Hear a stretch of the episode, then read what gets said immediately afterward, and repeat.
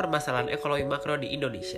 Kembali lagi bersama aku Novel Anargia Fauzi dari kelas 4B Program Studi Ilmu Ekonomi dan Keuangan Islam Universitas Pendidikan Indonesia.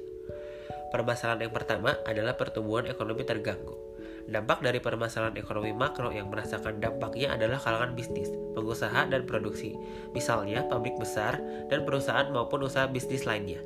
Tidak dapat dipungkiri, jika perusahaan mengalami kesulitan sampai terjadi kebangkrutan, dampak yang paling luas pun akan merambah ke pertumbuhan ekonomi. Ketika pertumbuhan ekonomi terganggu, tentu saja akan berdampak pada pertumbuhan di sektor ek ekonomi yang lain. Contoh yang eh, sangat eh, baru terjadi adalah karena pandemi corona ini menyebabkan masker menjadi melambung tinggi harganya. Masyarakat pun rela berdesak-desakan untuk membeli masker sekalipun dengan harga yang sangat tinggi. Pihak penjual pun memanfaatkan momen ini untuk meraup keuntungan 3 bahkan 4 kali lipat dari hari biasa. Sedangkan dari pihak pabrik tidak bisa memproduksi masker dengan permintaan yang sangat tinggi walaupun dengan uh, waktu yang singkat. Karena apa?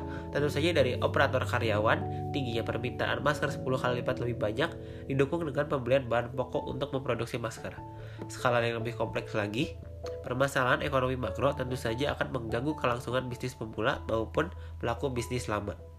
Yang kedua adalah tajamnya pengangguran dan kemiskinan. Permasalahan ekonomi makro tidak dapat dihindari. Semakin banyak pengangguran akan perusahaan yang tidak mampu bersaing dan bertahan, akhirnya bangkrut. Mau tidak mau harus melakukan PHK karyawan demi bisa berdiri. Harusnya bisa merekrut karyawan baru justru menambah angka pengangguran. Kenapa hal ini bisa terjadi?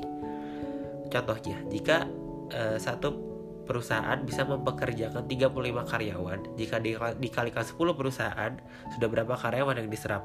Sedangkan 10 perusahaan hanya tersisa 5 perusahaan yang bisa bertahan.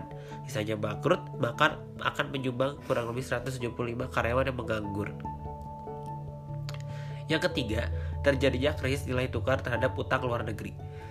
Devisa negara adalah salah satu sektor yang akan mendapat banyak dampak terburuknya. Selain itu juga, dampak ini juga akan dirasakan oleh investor maupun perusahaan yang memiliki kerjasama di luar negeri dan menjalankan kerjasama ekspor-impor penjualan tentu saja mereka akan mengalami masalah yang sangat serius. Tidak perlu jauh-jauh, contoh sederhana perusahaan yang ada di Indonesia mendapatkan suntikan dana dari pihak luar. Ketika terjadi permasalahan ekonomi makro, maka suntikan dana yang diberikan akan ditarik atau dikembalikan. Jika suntikannya sedikit mungkin tidak akan menjadi masalah, tapi bagaimana jika suntikannya banyak? Tentu saja hal ini bisa berdampak langsung terhadap keberlangsungan perusahaan sekaligus anak karyawannya. Belum lagi masalah utang di luar negeri. Tidak hanya utang negara, perusahaan yang memiliki utang di luar negeri pun akan mendapatkan dampak, di mana utang tersebut tidak dapat mendapatkan perlindungan dari negara. Dampak buruknya dapat menimbulkan pembengkakan utang dalam sekali waktu saja. Permasalahan yang keempat adalah terjadinya inflasi. Terjadinya inflasi tinggi akan berpengaruh pada tingginya utang luar negeri yang mempengaruhi dunia perbankan di Indonesia. Bentuk kesulitan yang paling terasa adalah masalah likuiditas. Akibatnya, terjadi kemacetan di sektor usaha akibat terlalu banyak besan akibat terlalu banyaknya besar beban utang negara. Perusahaan swasta maupun non swasta pun akan mendapatkan pengaruhnya. Akibat terjadinya inflasi, di mana aset-aset yang mereka miliki pun akan terkuras akibat tidak bisa meminjam kepada pinjaman bank. Belum lagi dengan UKM yang tidak bisa meminjam uang atau mengawali usaha lewat hutang bank sebagai modal. Masalah inflasi di Indonesia pernah terjadi tahun 2004 yang mencapai 10,5%. Yang terakhir adalah kekalahan daya saing. Dampak yang akan berpengaruh dalam mengalami kekalahan daya saing, tentu saja konteks daya, daya saing ini, hal ini adalah daya saing melawan perusahaan besar yang memiliki power besar, sehingga pasaran secara nasional pun akan menjadi lesu dan terkesan lambat. Masalah ini akan semakin parah jika masyarakat memiliki kebiasaan dan rasa bangga memiliki produk-produk dari luar negeri. Tentu saja ini akan memperlancar arus ekonomi mereka dan mematikan perputaran ekonomi di, di dalam negeri.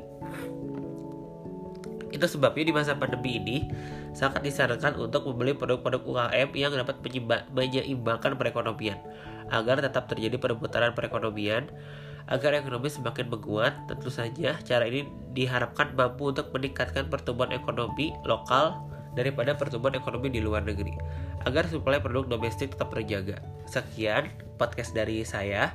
Mohon maaf bila ada kesalahan dalam pengucapan kata. Bila taufik wal hidayah. Wassalamualaikum warahmatullahi wabarakatuh.